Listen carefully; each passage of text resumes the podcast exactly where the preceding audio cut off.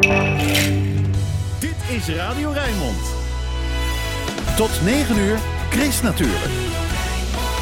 Hier is Chris Veen. Goedemorgen.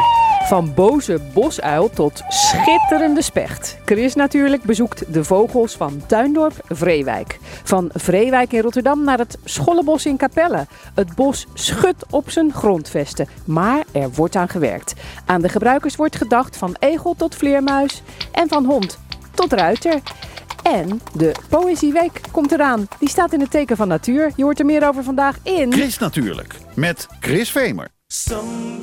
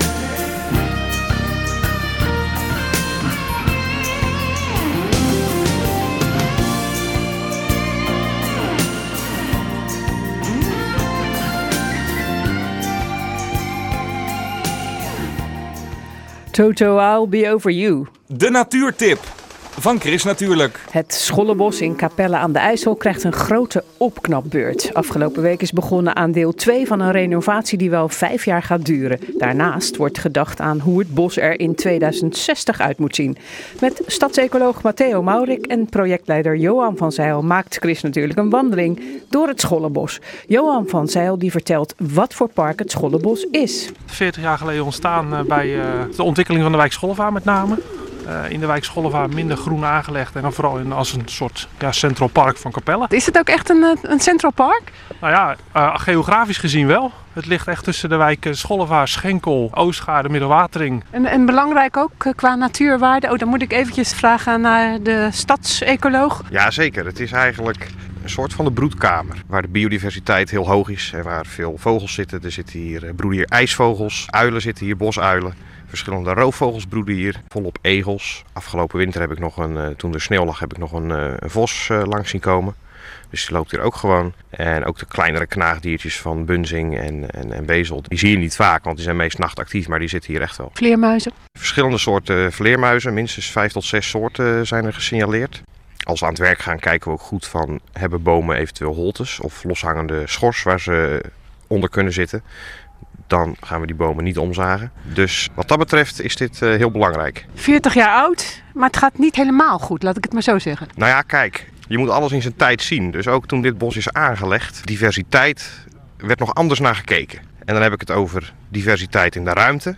Dus zet je één blok met bomen van allemaal dezelfde soort neer. En vervolgens weer een blok met allemaal bomen van een andere soort. Of meng je dat? Ook diversiteit in de leeftijd. Alles is even oud. En ook dus nu op dezelfde leeftijd en in dezelfde toestand. Ja, dus eh, alle bomen die zijn 40 jaar oud. Ja, gelu- gelukkig zijn er al een heleboel jongen alweer aan het opkomen. En dat is eigenlijk ook een punt. Je mist genetische diversiteit. Al die bomen zijn, met name die essen, die zijn hoogstwaarschijnlijk allemaal geënt van dezelfde moederboom. Dus die zijn allemaal precies hetzelfde. Dus nu waart de essentaksterfte rond. En die ziekte kan dus heel makkelijk zo van de ene naar de andere boom gaan, omdat ze allemaal precies identiek zijn. Ja, en dat zouden ze nu nooit meer doen. Dat ga ik, zou ik niet zeggen, maar de inzichten zijn wel veranderd. En daarom staan we hier nu ook voor om het bos natuurvolgend te beheren. Dat houdt allereerst in is dat je het bos goed observeert. En dat je je ingrepen ook afstemt op hoe het bos eraan toe is. En dat je ook probeert om juist meer diversiteit te krijgen. Zowel in soorten, maar ook door bijvoorbeeld natuurlijke zaailingen te sparen. Want die hebben weer meer diversiteit in hun genen zitten en zijn daardoor dus veel weerbaarder tegen ziekte en ook klimaatschommelingen. Ondertussen eh, hoor je allerlei geluiden, want het bos is niet alleen maar voor de natuur. Het is ook eh, voor de mensen die hier eh, rondlopen, voor de honden en misschien ook zelfs eh, ja, voor, de, voor de brommertjes. Ja, en mensen die even hun hond eh, komen uitlaten. We zagen net een trimmer eh, voorbij komen. Dus ja. Maar dat gaat allemaal samen. Eh, ja, ja. En dat was ook wel een van de aanleidingen voor de visie. Laat ik zo zeggen, de aanleiding was, eh, hè, wat mijn collega net zei, de, de bospercelen die in een ja, mindere toestand waren qua onderhoud. Eh, maar we hebben wel geprobeerd om te kijken van, ja, het, het park heeft dusdanig veel extra functies. Kunnen we die op een nog betere manier eh, in elkaar passen? En nou ja, daar zijn we eh, bij de bewoners, eh, de gebruikers en inwoners van Capelle te raden gegaan. Vertegenwoordigende verenigingen, clubs, eh, partijen hebben we daarbij betrokken als vertegenwoordigers van die bewoners. En we zijn gezamenlijk ideeën gaan ophalen. Geef eens een voorbeeld van wat gebruikers van het park dan leuk vinden. Of hebben voorgesteld waarvan jullie zeggen, ja, goed idee zeg. Een idee wat naar voren kwam is een pluktuin. Zo hebben we al een aantal bomen kunnen aanplanten. Die waren vorig jaar overbodig bij een boomkwekerij. En echt een, een productiekwekerij. Dus dan kunnen mensen ook gewoon zelf appels gaan plukken, peren. Om ook gewoon, ja, Lekker te proeven. lekker te proeven inderdaad. Ja, Ja. appeltaartje van te maken, noem het maar op. Maar we gaan dus die kant op nu, of niet? Ja, Ja, we moeten omlopen. Ja, klopt. Ja, dit is eigenlijk wel een grappige plek waar we nu staan. Want hier zie je dus ook een stukje nog terug van wat het originele ontwerp was als landschapspark in Engelse stijl. Hier zie je nog wel zo'n lange zichtlijn helemaal over de vijver naar achteren. Aan het uiteinde van die vijver had de ijsvogel tot vorig jaar zijn eh, broedplek. Helaas is die de afgelopen winter met de strenge vorst is die, eh, verdwenen.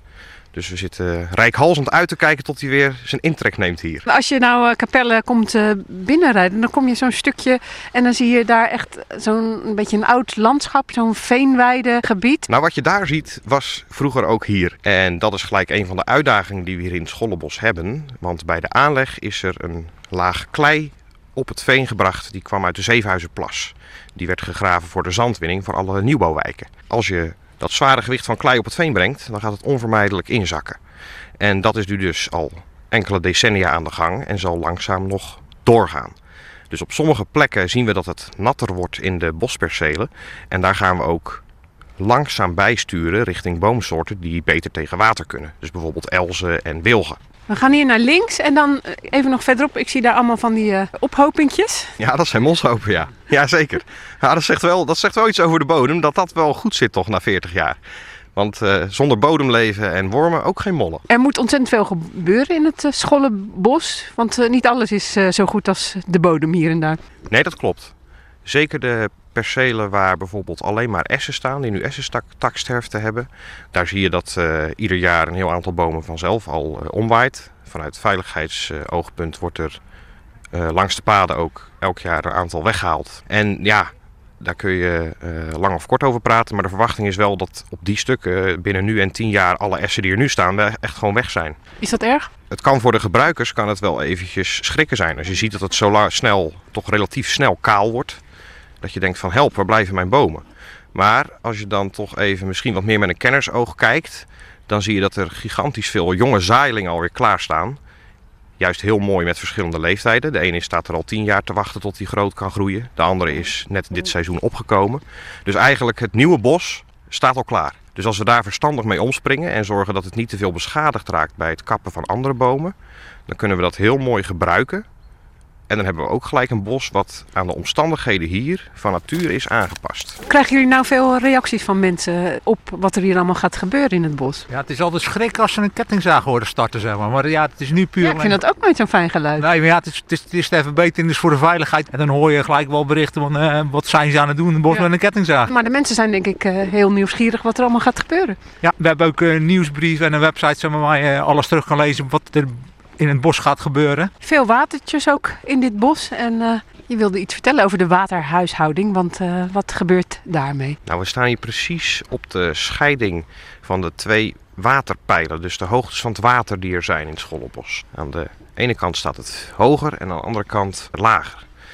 En in overleg met het Hoogheemraadschap zijn we bezig om dat één niveau te krijgen. En wat dat als voordeel heeft, is dat de waterkwaliteit dan veel beter kan worden. Het water wat nu het gebied instroomt, is heel rijk aan stikstof, maar ook vooral aan eh, fosfaten. En dat heeft echt negatieve invloed op hoe troebel het water is en hoeveel planten er kunnen groeien. Dus de hoop is, is dat met de jaren dat we dat andere systeem hebben, dat het water ook veel helderder wordt en er dus ook weer meer waterleven kan komen. Dan krijgen we weer zo'n soort eh, Jacques P. Thijs eh, plaat in sloot en plas. Ja, dat zou toch heel mooi zijn, hè? Dat zou heel mooi zijn. En dat zegt Matteo Maurik, stadsecoloog in Capelle aan de IJssel. Over het Schollenbos. In het bos zijn de kapwerkzaamheden nu weer begonnen. Met een pauze straks tijdens het broedseizoen. En de toekomst van het bos wordt de komende jaren verder uitgestippeld. Maar zoals Matteo al zei, het nieuwe bos staat al klaar. Het was laat, ik wilde gaan. Bij de garderobe en ik had mijn jas al aan. Ze zei wacht je nog heel even. En nog geen 15 seconden later heb ik van haar lippen in mijn nek een afdruk staan. Nee, zij is niet belegen. Ik zie dat elke jongen stiekem naar de kijkt. Zij heeft alles binnen handbereik. Maar zij wil mij, en dat wil ze laten weten. Zij wil mij, ze is veel te hoog gegrepen.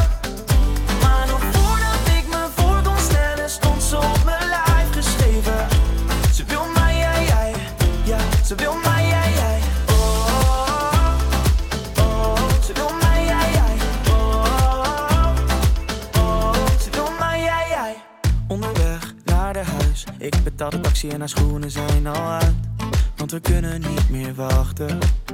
Ze doet de deur dicht, laat de lampen uit. Kleren op de trap en mijn vingers op haar huid. Het worden slapeloze nachten. Zij weet dat elke jongen stiekem naar de kijkt. Zij heeft alles binnen handbereik. Maar zij wil mij, en dat wil ze laten weten.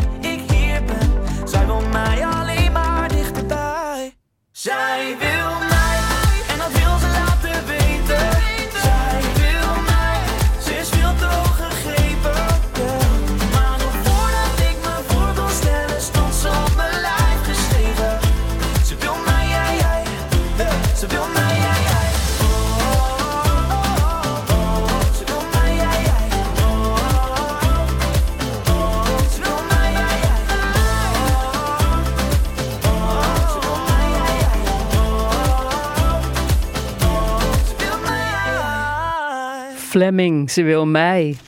Chris natuurlijk.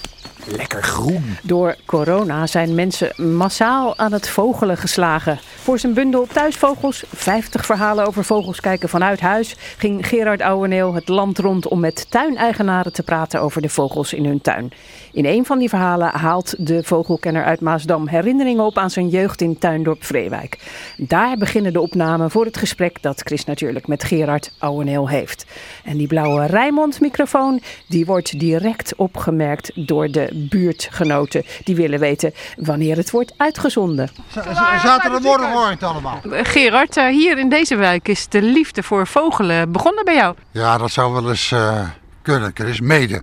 Maar in ieder geval, als ik nou hier rondkijk, dan eh, moet ik zeggen, dan ik soms ben ik een beetje emotioneel word ik dan. Ja. Ik denk overigens dat er toen ik hier rondliep, en dat was vanaf 1940, vlak na oorlogse jaren, waren denk ik minder vogels dan tegenwoordig. Als ik nou kijk hier in de Singel, hier in de Leden, dan zie ik nijlganzen. Nou, daar hadden we toen nog nooit van gehoord. Er zitten meerkoeten, kan ik me ook niet herinneren. Ik zag nergens, zag ik een aalscholver, zag ik. Die broeden tegenwoordig op de Zuiderbegraafplaats, heb ik begrepen. Nou, rond 1950 waren aalscholvers eigenlijk een zeldzaamheid. Er waren maar 2000 paar in heel Nederland. Ja, en bovendien, ja, die vogelhobby heeft zo'n, of de vogelpassie eigenlijk in Nederland, zo'n vlucht genomen.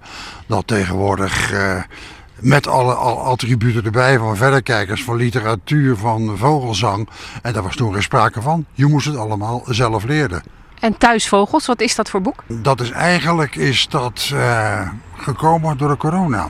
Wat gebeurde er? Vogelreizen kon ik niet meer maken. Je keek meer in de tuin, mijn tuin in Maasdam. Je gaat dan ook, ga je met andere ogen naar buiten kijken. Naar het gedrag van de vogels. Dat gaf wel zoveel inspiratie dat ik uh, daarover ben gaan schrijven. Korte verhalen gaan schrijven. Ik had herinneringen aan uh, mijn tuin hier in Tuin de Vreewijk. En ook tuinen uh, elders in Nederland. Ik heb een oproep geplaatst. Er kwamen hele leuke reacties kwamen erop. Onder andere van een dame uit Groningen die een hele schuur met boerderzwaluw had. Ja, en grappig, want uh, ik sta er ook nog uh, in. Want uh, naar aanleiding van een interview wat ik een keertje met jou had, toen ging het over Ja, spreeuwen. Dat was waar, dat ging. Ik had toen, wat was tijdens een tuinvogeltelling, had ik eh, jou verteld dat ik in Maasdam helemaal geen spreeuw meer krijg. Trouwens, ik heb hier ook geen spreeuw nu gezien. Maar ik hoorde er een hoor, want toen ik net hier de wijk in kwam fietsen, dacht ik, hé, hey, spreeuwen. Daar gaan we dan zo meteen gaan we er even heen, ja. Maar inderdaad, toen werd ik opgebeld aan de hand van jouw radioprogramma, van mijn verhaal. Joh, Gerard, ik heb wel spreeuwen. Ik ben naar erheen gegaan. We hebben toen geen spreeuw gezien. Nu zijn ze er weer wel, zegt ze. Dus ik ga wel een keer kijken, ja. Maar dat is een van de veranderingen. Er zitten hele kleine vogeltjes en ik hoor ze piep piep. Ja, nu zijn ze weg. Sorry dat ik je onderbreek, maar ja, dat zijn zulke schattige... Hier, daar. Ja, het zijn boomkruipers, denk ik. Ja, het zijn boomkruipers. Kijk maar, ze gaan tegen de stam op. Twee Ja, ja, ja, boomkruipers. ze. Nou, ik zal je vertellen dat het voor het eerst dat ik die in, uh, in Vreewijk zie. Twee stuks, leuk. Ja, hier vlakbij. Ja, dit is ook een prima schors van die oude kastanjes. Die stonden hier al toen, uh, toen ik hier jongetje was, ja. Hé, hey, maar jouw zintuigen zijn prima, Chris. Ja, Zullen we zullen we een stukje gaan lopen? ga je lopen, ja. Je zag het net die mensen die hier voorbij kwamen. Dat is dan typisch Tuindorp. We staan hier te klooien, moet ik zeggen, bij die parkeerautomaat die het niet doet. Oké, ik vraag even, weet u hoe het werkt? Toen zag ze jou, kende jou waarschijnlijk van RTV Rijnmond. Ben je over vogels aan het interviewen? Dan ga je straks naar Helen Wagenaar. Nou, die woont hier een aantal straten vandaan. Maar dat is dus typisch Tuindorp nog wel, dat herken ik. Inderdaad. En daar komen gelijk de verhalen. Dat is nog iets van die oude Tuindorpse geest. Want er werd in Tuindorp wel heel veel naar vogels gekeken. Boven modaal moet ik zeggen, ja. En deze single, die heet? Dit is de Leden. Daar woonde Karel Schot, leden 65. Ik woonde daarachter.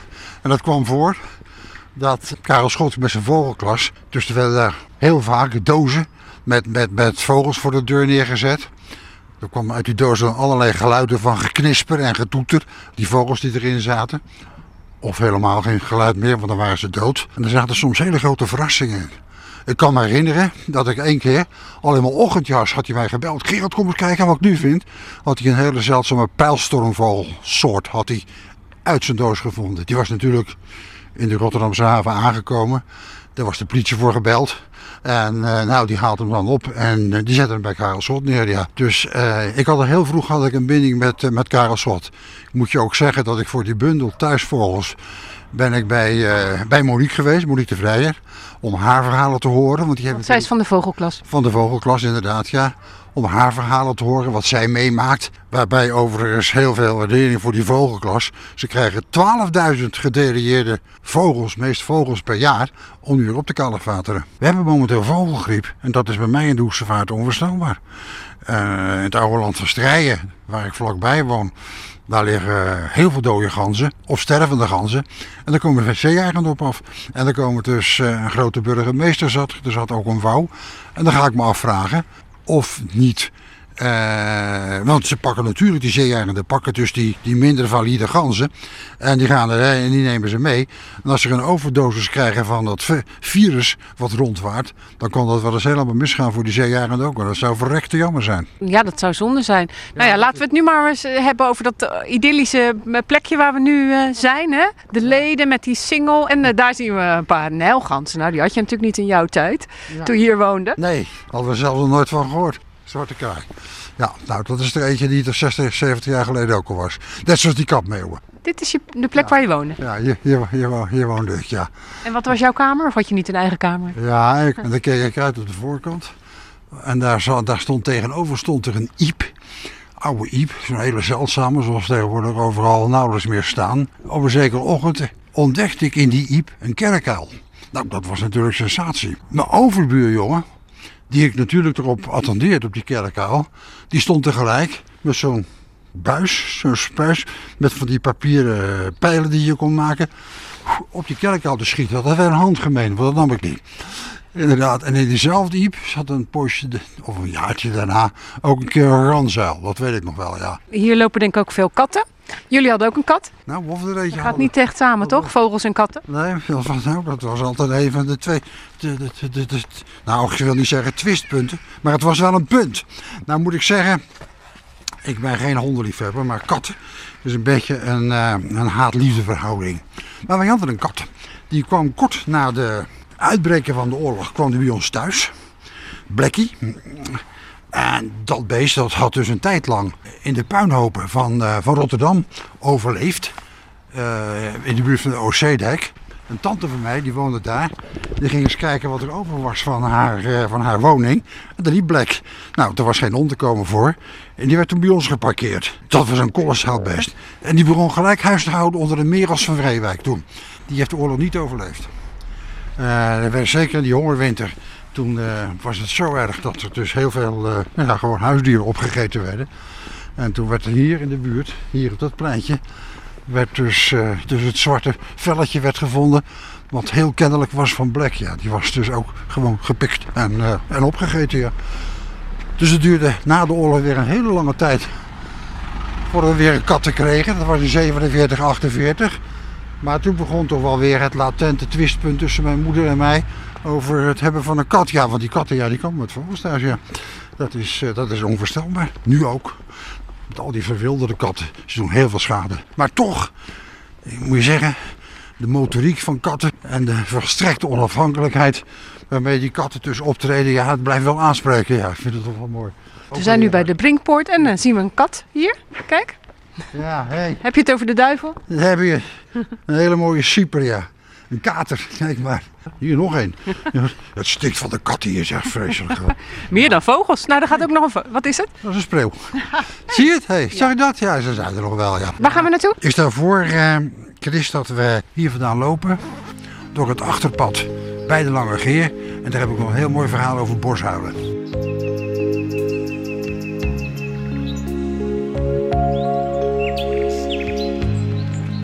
We zijn nu in het, uh, in het achterpadsysteem tussen uh, de Lange Geer en de Dreef. En ik zie hier een uh, stel volledig gestripte bomen staan. Dat zijn inderdaad heel... Er ging een extra overigens ook. Ja, dat doet me herinneren aan, aan die strenge winter van 1962, 63. Toen in die strenge winter, daar gaan er weer twee parkieten gingen daar. Toen broedde hier in een van die twee bomen, namelijk in die, er stonden toen iets meer, een paardje bosuilen. Nou, die waren zeer openhartig met het vertoon van hun, uh, van hun jongen. Uh, ze waren boven gewoon populair bij alle mensen die hier woonden. Dus de uilen. En dat werd een soort traditie, voor mij ook, en voor de vriendin die ik toen had, om s'avonds een, ontje, een rondje uilen te kijken en uiltjes stellen te gaan doen. Wat gebeurde er? Die uh, bosuilen werden groot. En die uh, jongen, en die werden zichtbaar, gingen ze gevoerd worden door die uilen. Met jonge, meer dan jonge zanglijsters. Die toen hier ook broeden. En waarschijnlijk nu ook nog, ja. En toen zag de populariteit van die bosuilen buitengewoon. Maar ik vind het leuk om die oude bomen hier te nog staan. Moet je zien hoe ze gestript zijn. Net het beeld van Zatkin in Rotterdam. Dat vind ik op zich wel maar goed. Oké, okay. anders gaan ze misschien dood.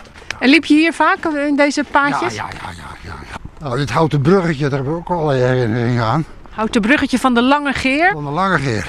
Hier reed de tram, lijn 3. Die ging van de Groene Zoom helemaal naar het gaat op Blijderop. Maar mijn ouders zetten me dan al, toen ik een jaar of tien was, op die tram naar het andere eindpunt. Dan kon ik naar de diergaarde gaan, ja. Had je een favoriet dier daar in de diergaarde? Ja, giraffes. Bizar beest, de uitstraling van Afrika. Ja, ik heb het altijd wel, uh, ik moet je zeggen, ook als ik er ergens ben voor vogels, dan kan het wel voorkomen dat de wilde zoogdierenfauna, dat ik dan nog meer naar kijkers naar de vogels, ja. Je merkt wel dat op sommige plekken zitten meer vogels dan op andere plekken hier in de wijk. Ja, ligt aan de begroeiing. Ook aan de aanwezigheid van hoge bomen. Ongetwijfeld zal daar. Dat is de onbedaald die is hier, daar moeten we zijn. Zometeen naar rechts. Maar daarachter loopt denk ik de Ipedaal. Daar staan overigens geen iepen, maar er zijn platanen. En, Ook verwarrend voor de mensen. Ja, ja, misschien hebben er ooit iepen gestaan. Maar er zijn natuurlijk nogal wat iepen zijn er door de iepziekte omgekomen. Ja. Nee, er hebben altijd platanen gestaan in mijn herinnering. En iepen, ik vind, ik vind die oude iepen, de Belgische plaats Ieper is er naar genoemd overigens. Dat vind ik zo'n ongelooflijk schitterende boom. Die, uh, maar die staan nauwelijks meer in mijn hoezen. Waar staan, staan er nog enkele tientallen. En elk jaar zijn het er minder. Nou, we zijn uh, onderweg naar Helene Wagenaar van de Olmendaal. En daar gaan we in de tuin kijken, want zij uh, heeft ook een verhaal in het boek. En dat boek heet dus Thuisvogels. Het is geschreven door Gerard Ouweneel. Straks na half negen hoor je er meer over. Chris natuurlijk. De weekendbijlage. En nu willen we weten wat er in de weekendkranten staat over groen, natuur en milieu. Je hoort het in het overzicht dat ik vandaag samenlees met Aries van Meteren. Aries, goedemorgen, jij gaat beginnen. Goedemorgen. Nederlanders die zonnepanelen willen plaatsen of een warmtepomp of laadpaal, die moeten daar in de nabije toekomst misschien op wachten.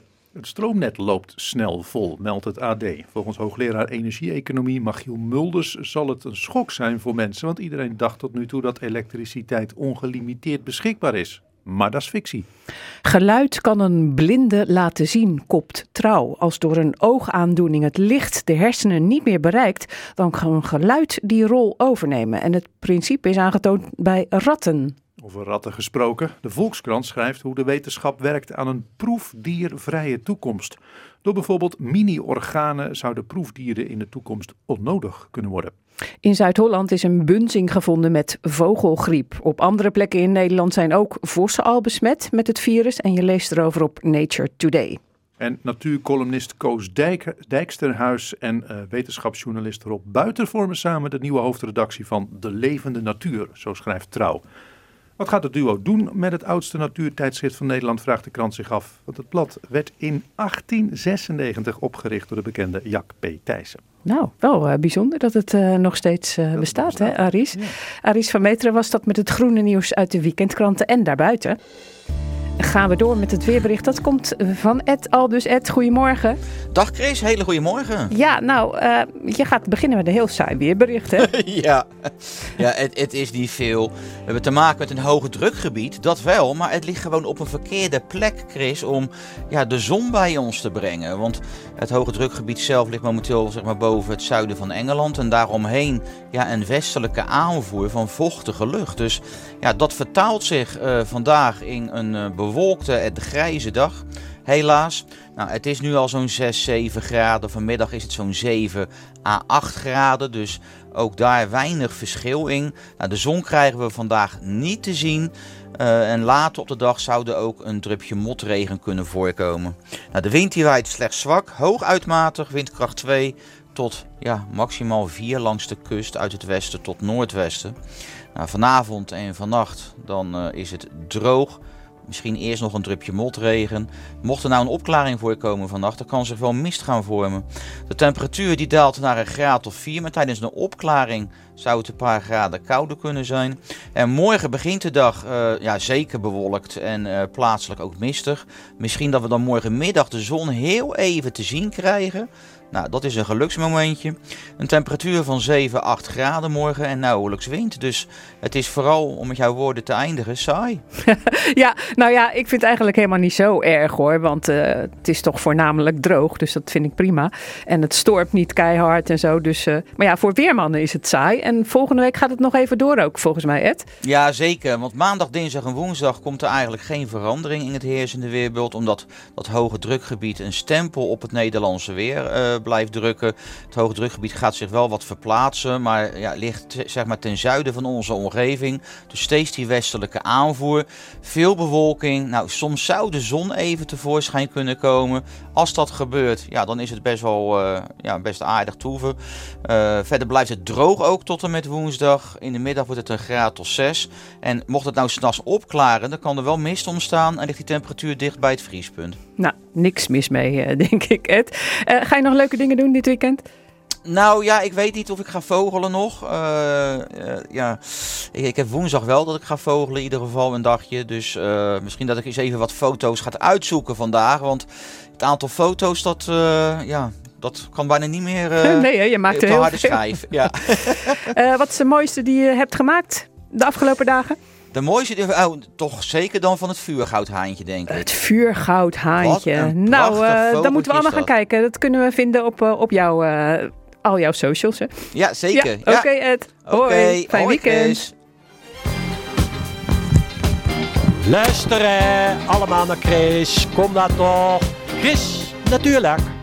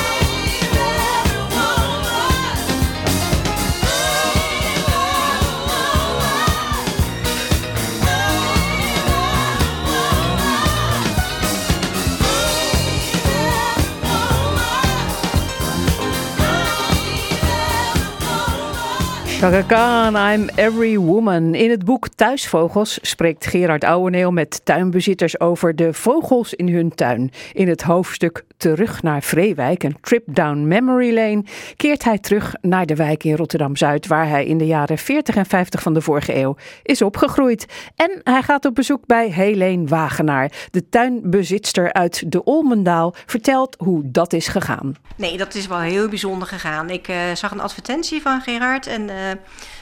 die uh, zocht mensen die als hobby naar vogels keken. En toen dacht ik, ja, dat vind ik wel heel leuk, want als we thuis zijn, dan zitten we heel vaak naar buiten te kijken. Wat komt er allemaal voor in deze tuin? Het is niet een hele grote tuin. Ja, maar dat is wel leuk. Het is echt een, een, stadstuin. En wat we, wat we eigenlijk afgelopen twee weken gezien hebben, daar was ik helemaal enthousiast over. En gelijk ook een berichtje gestuurd naar Gerard van, goh, wij hebben kepen in de tuin. Maar hoe weet je dan dat het een kepe is? De vogels die we regelmatig zien zijn mezen, koolmezen, vinken, pimpermeesjes, dat soort dingen. Maar het lijkt wel of het toch wel wat meer uitbreidt naar ook groenlingen en dat soort vogeltjes. En eerste instantie dan denk je, oh ja, vinkje. En dan denk je, oeh, die ken ik dus niet. En dan uh, ga ik lopen zoeken in het boek. En dan, als ik dan twijfel, uh, kan ik altijd nog een contact zoeken met, uh, met Gerard. Want ik had ook, dan zat ik in het boek, in de winter toen het sneeuw lag, een matkop, zeg ik het goed? Ik was hier dus een paar weken daarna. En alleen zegt tegen mij, weet je wat ik nog van de winter in mijn tuin had? Een matkopmees. Nou moet je natuurlijk niet gelijk zeggen als je bij een charmante dame die port geeft van joh dat kan niet enzovoort enzovoort. Ik zeg, joh, maar dat is nogal wat. Want matkopmezen, nou ja, dat zijn beesten, beesten van buiten, van uh, grienden. Ze zei, nou, ik zal het je laten zien. Ik heb hem gefilmd. Wat gebeurt er? Laat dat filmpje zien. Dat was een zwartkop. Een zwartkop tuinfluiter. Midden in die winter, een bad nemend hier in die tuin. Ik zeg, joh, dat is wel heel bijzonder. Die zwartkop tuinfluiters, die zullen hier waarschijnlijk tegenwoordig zomers ook zijn. Die hebben in Nederland echt een hele grote expansie meegemaakt. Ook in parkachtige gebieden. Maar midden in de winter, dat is nogal wat. Terugkomend op die kepen, daar was ik wel jaloers op. Want dat zijn schitterende vogels. Zeker die mannetjes. Hoe zag hij eruit dan? Ja, hij is iets groter dan een vink. En ja, oranje kleur, bruin. Uh, wat zwart op zijn, op zijn een beetje een kuifje. En het grappige is, als je naar de rug kijkt, zie je ook in het midden een, een beetje witte belijn, zeg maar. Uh, als hij een beetje met zijn vleugeltjes wat wijder gaat zitten. En uh, de vrouwtjes hebben wat meer een, ja, een beetje crèmige buik. Dus het is echt wel een heel opvallend vogeltje. Dus het oranje springt er wel uit, vind ik. En als jullie dan zo'n bijzonder vogeltje zien, wat gebeurt er dan in huis? Nou, ik, ik word heel enthousiast. Mijn man in eerste instantie had daar niet zo heel veel mee. Maar ik moet je eerlijk zeggen, naarmate dat hij wat vaker thuis heeft gewerkt, dat hij ook ziet van, oh, kijk eens, dat is dat vogeltje. En, en iedere keer als we dan uh, een vogeltje op een van de ja, voedersilootjes zien landen, dan uh, ja, ziet hij ook, wordt hij steeds enthousiaster. Dus het wordt een beetje doorgeslagen, dat virus. Ja, en dat merkt Gerard eh, ook, hè? want dat is eigenlijk de reden waarom je dit boek hebt geschreven. Je merkte gewoon dat steeds meer mensen die thuis werkten, dat die meer belangstelling kregen voor vogels in de tuin, in de buurt. Ja, daar, uh, daar zijn hele treffende voorbeelden van. Ja. Er staat ook een hoofdstuk in dat boek over een da dame in Amsterdam. En die zegt, ik ben helemaal door kijkend over mijn laptop, omdat ik thuis moest gaan werken, gecharmeerd geraakt van die vogels. En roofvogels, heb je die wel eens in je tuin? Ja, vorig jaar uh, voor het eerst een sperwer. Een, een, mannetje, echt heel mooi. Ik, ik schrok er wel een beetje van. Hij kwam echt uh, gillend aangevlogen en die wilde een meisje pakken. En hij landde op de schutting in het midden. Dus toen hadden wij echt zoiets wow, wat is dit? En wat, wat uh, Gerard net zit te vertellen, ik vind dat heel lastig. Want de roofvogels zijn eigenlijk heel lastig te herkennen. herkennen. En sperwen dan wat makkelijker, zeker als het een mannetje is. Ja, een visarend of zo. Dat zou je misschien wel herkennen, denk ik. Ja, die heb ik in Amerika mogen zien in het echt, maar in Nederland uh, nog nooit mogen ontschouwen. Wel flamingo's, maar... Uh, ja, ja, ja, niet in de tuin. Die heb, ja, ik zie uh, flamingo's in je tuin staan, maar dat zijn plastic flamingo's. Ja, plastic inderdaad. Je bent hier geboren en getogen? Ik ben toen ik jaar vijf in tuin op Vreewijk terechtgekomen, inderdaad. Ja, en niet meer weggegaan. Nee, altijd met zin uh, hier gewoond. En uh, ja, ik ben eigenlijk als een meisje altijd bezig geweest met verzorgen en vertroetelen van, uh, van dieren. Daar begon het een beetje mee. En het eerste wat ik aan het verzorgen was, was een musje wat ja, waarschijnlijk heel jong was en nog niet bestand was om goed te kunnen vliegen.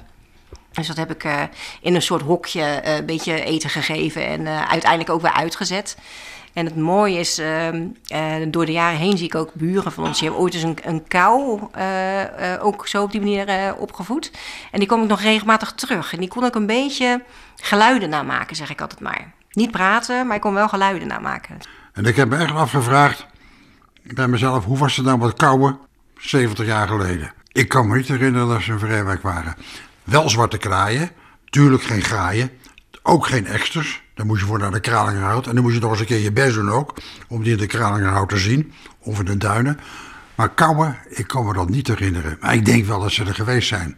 Zij het, er is een boekje van Strijbos. Dat heette De Vogels rondom ons huis. Dat heb ik voor die bundel. Heb ik dat weer tweedehands aangeschaft. Daar staan geen kauwen in. Wel bonte kraaien. En die zag je vroeger wel hier. Nou, die komen nou überhaupt nooit meer op deze hoogte. Roeken, die waren er wel. Die zijn er niet meer. Er waren diverse roekenklooiers waren we in, eh, in Rotterdam. Daar hebben we het ooit eens een keer over gehad, geloof ik, over roeken. Met André. Ja, weet ik nog, ja, ja. Die zag je wel. Maar heeft er nou iemand nog eventjes de tuin in de gaten gehouden terwijl wij zo aan het praten zijn? Zag je nog wat langskomen? Ja, zeker wel. Ja, wat ik de- regelmatig zie is een, eh, een roodbosje. En eh, zo heen en weer zie ik ook de handbals, eh, hand, zo halsbalpakketjes, ik zeg het al eens een keer, heen en weer vliegen. En, eh, en een merel. Ik moet zeggen dat we weinig merels zien, maar dat heeft natuurlijk ook te maken met eh, allerlei virussen die ze eh, oplopen. En ik heb vorig jaar nog wel mussen gezien, maar die zien we helaas niet. Ja, hegemusjes. Ga je meedoen met de tuinvogeltelling, de jaarlijkse tuinvogeltelling? Ik doe elke week mee. Ja, ik doe elke week. Oh, jij doet het jaar rond, ja. Maar je gaat ook nog met die officiële waar iedereen aan mee kan doen? Zeker, ja. Wij zagen overigens spreeuwen. Ja, heel veel. Zo, dat vind ik nogal wat. Ja. Wat je zegt, heel veel, ja. Een van de eerste dingen die Chris ook aanhaalde, eh, dat ik eh, zo geklaagd had over het ontbreken van spreeuwen. En verrekt, we kwamen hier die dreef aflopen. Maar er zat een hele club spreeuwen. Daar was ik wel aangenaam verrast bij, ja. Meende overigens net ook weer wat spreeuwen voorbij. Hier, wat gaat daar? Ja, ik moet toch mijn verrekijker pakken, geloof ik. Kijk eens even, zeg. En Helene, wat is jouw favoriete vogel in de tuin? Ja, ik vind de specht altijd wel heel bijzonder. Omdat ik gewoon onder de indruk ben van zo'n, eh, hoeveel kracht hij heeft om eh, toch met die, met die kop allerlei dingen voor elkaar te krijgen. Maar ik vond die, die sperwer toch ook wel bijzonder. Ja, ja. De verhalen van Helene Wagenaar en andere tuinbezitters en die van Gerard Ouweneel zelf lees je in Thuisvogels. 50 verhalen over vogels kijken vanuit huis met illustraties van Elwin van der Kolk. Het boek ligt volgende week in de winkel en hier horen we dan een sperwer. Net op tijd voor de tuinvogeltelling. Het kost 19,95 euro, is een uitgave van KNNV. En er is één luisteraar die het boek kan winnen. 010 436 4436, dan maak je kans. Much about history. Don't know much biology. Don't know much about a science book. Don't know much about the French I took. But I do know that I love you. And I know that if you love me too, what a wonderful world this would be. Don't know much about geography. Don't know much trigonometry. Don't know much about algebra. Don't know what a slide rule is for. But I do know one and one is two. And if this one could be with you, what a wonderful world this would be. Now, I don't claim to be an A student, but I'm trying to be. For maybe by being an A student, baby, I can win your love for me. Don't know much about history, don't know much biology, don't know much about a science book, don't know much about the French I took, but I do know that I love you, and I know that if you love. A wonderful world this would be. La ta ta ta ta ta ta. History. Mm-hmm. Biology. Well, la ta ta ta ta ta ta ta. Science book. Mm-hmm. French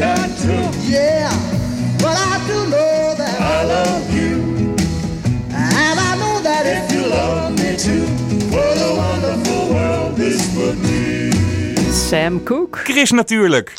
Lekker lezen. De jaarlijkse Poëzieweek begint donderdag. Staat dit jaar in het teken van natuur. Mirte Lefferink, hoofdredacteur van het poëzietijdschrift A-Water, is hier om over deze week te vertellen. Mirte, goedemorgen. Poëzie, dan zijn, mensen, uh, dan zijn er mensen die direct de radio uitzetten. Maar wacht nog even, want Mirte, jij begint met het voorlezen van je lievelingsgedicht over natuur. Ga je gang. Het is getiteld Het moeras. Ik wist als jongen een moeras. Je kon er langzaam in wegzinken en zou niemand meer tot last zijn. De zompen, mijn bittere troost, tussen orgis en wollegras, zijn drooggelegd. Ik weet, als man, niet meer waar ik heen moet. Meerte, dat gedicht zei je al dat je voordroeg was van Hans Warre, een dichter die veel had met natuur en vogels. Waarom is het jouw lievelingsgedicht? Over natuur dan? Ja, het is, nou, het is natuurlijk helemaal niet alleen maar natuur. Het is zo'n symbolisch eh, geheel. Het, is, het zijn eh, ja, zes regels en alles zit erin. Melancholie, maar ook de natuur, eh, het opgroeien, het jezelf kwijtraken, de weg kwijtraken. Ja, ik vind het echt fantastisch. Ja, dat is ook bijzonder nu van, natuurlijk van poëzie. Hè? Dat je in zo weinig woorden eigenlijk zoveel kunt zeggen. Nou, de Poëzieweek met natuur uh, als thema. Maar eerst maar eventjes, wat is de Poëzieweek precies? Ja, nou ja, de Poëzieweek bestaat uh, dit jaar tien jaar. Het is een, uh, een, lustrum. Um, en het is ooit begonnen in, in bij Poetry International met een gedichtendag. Dat was één dag om de poëzie te vieren. En dat is uiteindelijk uitgegroeid tot een hele Poëzieweek. Uh, lang heeft de CPNB dat uh, getrokken als organisatie. En sinds twee jaar is het eigenlijk nu onder uh, de vleugels van Poëziecentrum Gent en Poëzieclub, waar A-Water ook onder valt. is het nu met allemaal poëziepartners in Nederland en Vlaanderen iets om de poëzie te vieren en onder de aandacht te brengen. En dat is op zich wel heel leuk natuurlijk, hè? dat dat gewoon uh, overal dan uh, te horen is en te zien. Uh, bijvoorbeeld dan die gedichtendag, hè? dat begint donderdag. En dan ja. kan je bijvoorbeeld ja, in de Tweede Kamer of zo wordt een gedicht voorgelezen. En ik weet niet of jij nog meer leuke plekken weet nou waar ja, dat ik gebeurt. weet van vorig jaar dat gewoon echt allerlei organisaties dan aanhaken. Dus er was, ik zal maar zeggen, de, de brandweer deed mee. Um, er waren, ja, gewoon bij de bakker, bij wijze van spreken, werden er, uh, werden er zakjes met een dichtregel erop uh, verkocht. Uh, in de trein werd er voorgelezen. Ja, door en ik zag nu ook ergens dat er ramen gezocht zijn ja, voor verweesde deze gedichten. adopteren. Dat is volgens mij nu dan inmiddels uitgegroeid tot ook een enorm aantrekkelijk iets. Dus ja, iedereen voelt zich aangesproken. En we hopen ook dat het thema natuur, hè, waar iedereen wel, denk ik, uh, zich in kan vinden, jong en oud, dat dat uh, aanspreekt en dat je daar iets uh, mee wil doen. Je kunt Ja. ook onder je mail bijvoorbeeld, een, als je een out-of-office bericht wil plaatsen, dan, zet je kan daar een mooi natuurgedicht onder. onder. Ja. Ja. maar zijn er veel natuurgedichten? Heel veel. Ja? Heel veel. Ja, ik, kon, ik zat net te denken, ik kan eigenlijk bijna geen dichter bedenken die niet over natuur ooit heeft gedicht. Ik weet alleen Menno Wiggeman heel erg, uh, was natuurlijk een ontzettende stadsmens. En die heeft een soort anti-natuurgedicht uh, En Gilles Deelder was ook een, uh, is een stadsmens, ja. Absoluut. Maar ja. goed, er zijn wel, ja, het is toch wel een heel groot thema binnen de poëzie. Ja, zeker. En, maar hoe zou dat dan komen? Nou, ik denk Kijk, nu hebben we dat thema natuurlijk niet voor niks gekozen. Hè? Dat, dat thema is al, al sinds jaar en dag natuurlijk groot in de poëzie. Maar um, ja, als je merkt dat je binnen moet zitten in coronatijd, uh, mensen willen naar buiten. En je kunt dan uh, wel altijd in elk geval de natuur in. Je kunt naar zee, je kunt in een bos, je kunt naar een park. Um, dus we merkten ook dat, uh, dat het heel erg aansprak. Dus dat, dat we eigenlijk goed gekozen hadden dit jaar om het juist nu over natuur te hebben. Ja, en juist nu door de coronamaatregelen zijn de theaters nog dicht. Hè? Het kan volgende week anders zijn. Hoe maak je dan een programma met zoveel onduidelijkheid? Ja, dat is super ingewikkeld. Maar je kunt natuurlijk wel met de techniek van nu kun je allerlei dingen toch uh, mensen meegeven. Um, ofwel via, hè, via winkels. De boekhandels zijn gelukkig wel open. Dus koop ook vooral in de Poëzieweek een bundel. Je krijgt er gratis het poëziegeschenk geschreven door Ramsi Nasser bij. Echt een, heel mooie bundel met tien gedichten. Uh, hij heeft dat geïnspireerd op, uh, op brieven van Van Gogh. Um, hij heeft eigenlijk allemaal brieven, al, alle brieven gelezen en heeft die weer met Hertaald. de woorden van Van Gogh heeft hij een nieuw gedicht gecomponeerd door Ja. woorden weg te laten. Ja, je, hebt een voorbeeld uh, meegenomen, hè? Een, kle- een klein fragment. Ja, ik lees een stukje, want het moet natuurlijk wel uh, nog een beetje spannend blijven wat, uh, wat, hoe het afloopt. Maar ik lees, het, ik lees de helft van eh, het vierde gedicht uit het Poëziegeschenk. En het, eh, het gaat als volgt. Ge weet hoe het staat. Het spijt me dat ik u het leven moeilijk maak. Ik schrijf u zeer rustig. Mijn hart was te vol, veel te vol. Ik ben verbazend verlangend, weshalve ik soms behoefte gevoel om niet met zacht penseel, doch hard timmermanspotlood in te krassen wat ik voel. Ik hoop dat gij maar spoedig komt. Ik stuur u vandaag roze kastanjebomen, oleanders, olijfbomen. Schrijf mij een woordje par retour. Ik stuur u de nacht, de maan, cipressen.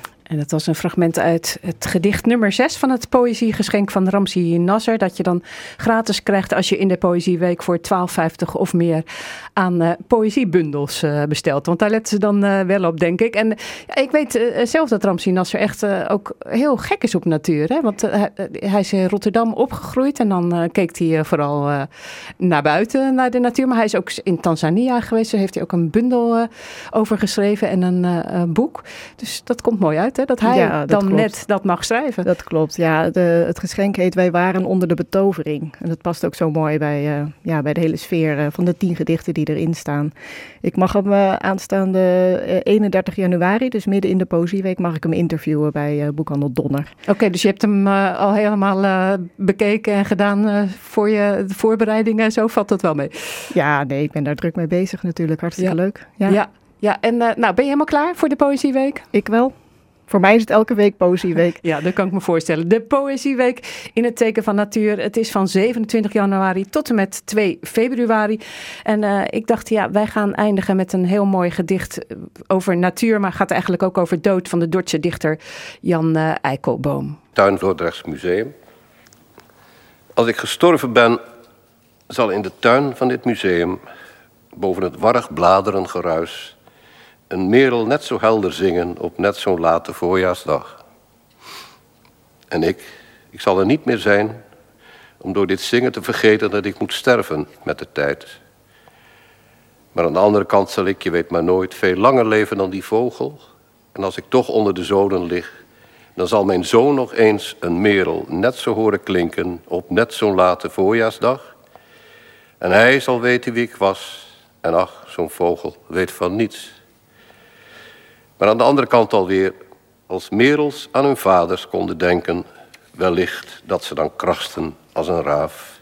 Tuin Dordrechts Museum van de in 2008 gestorven dichter Jan Eikelboom. Kende je het? Ja, het is prachtig. Ja, en het staat volgens mij ook eh, in de tuin van het eh Dordrechts Museum op een muur. Nou, kunnen de mensen straks weer gaan zien, want het duurt niet lang meer. En dan gaan de musea ook weer open en eh, daar zijn we allemaal aan toe. Dankjewel, veel plezier met de Poëzieweek 2022. Dit was Chris Natuurlijk, een programma van Chris Vemer, Aries van Meteren, Danielle Koren en Roeland Kuppers. Die werkten mee. Volgende week zaterdag een Chris Natuurlijk. Aandacht voor de nationale tuinvogeltelling. En straks drie uur lang muziek voor volwassenen met Johan Derksen. Fijn weekend en graag tot volgende week.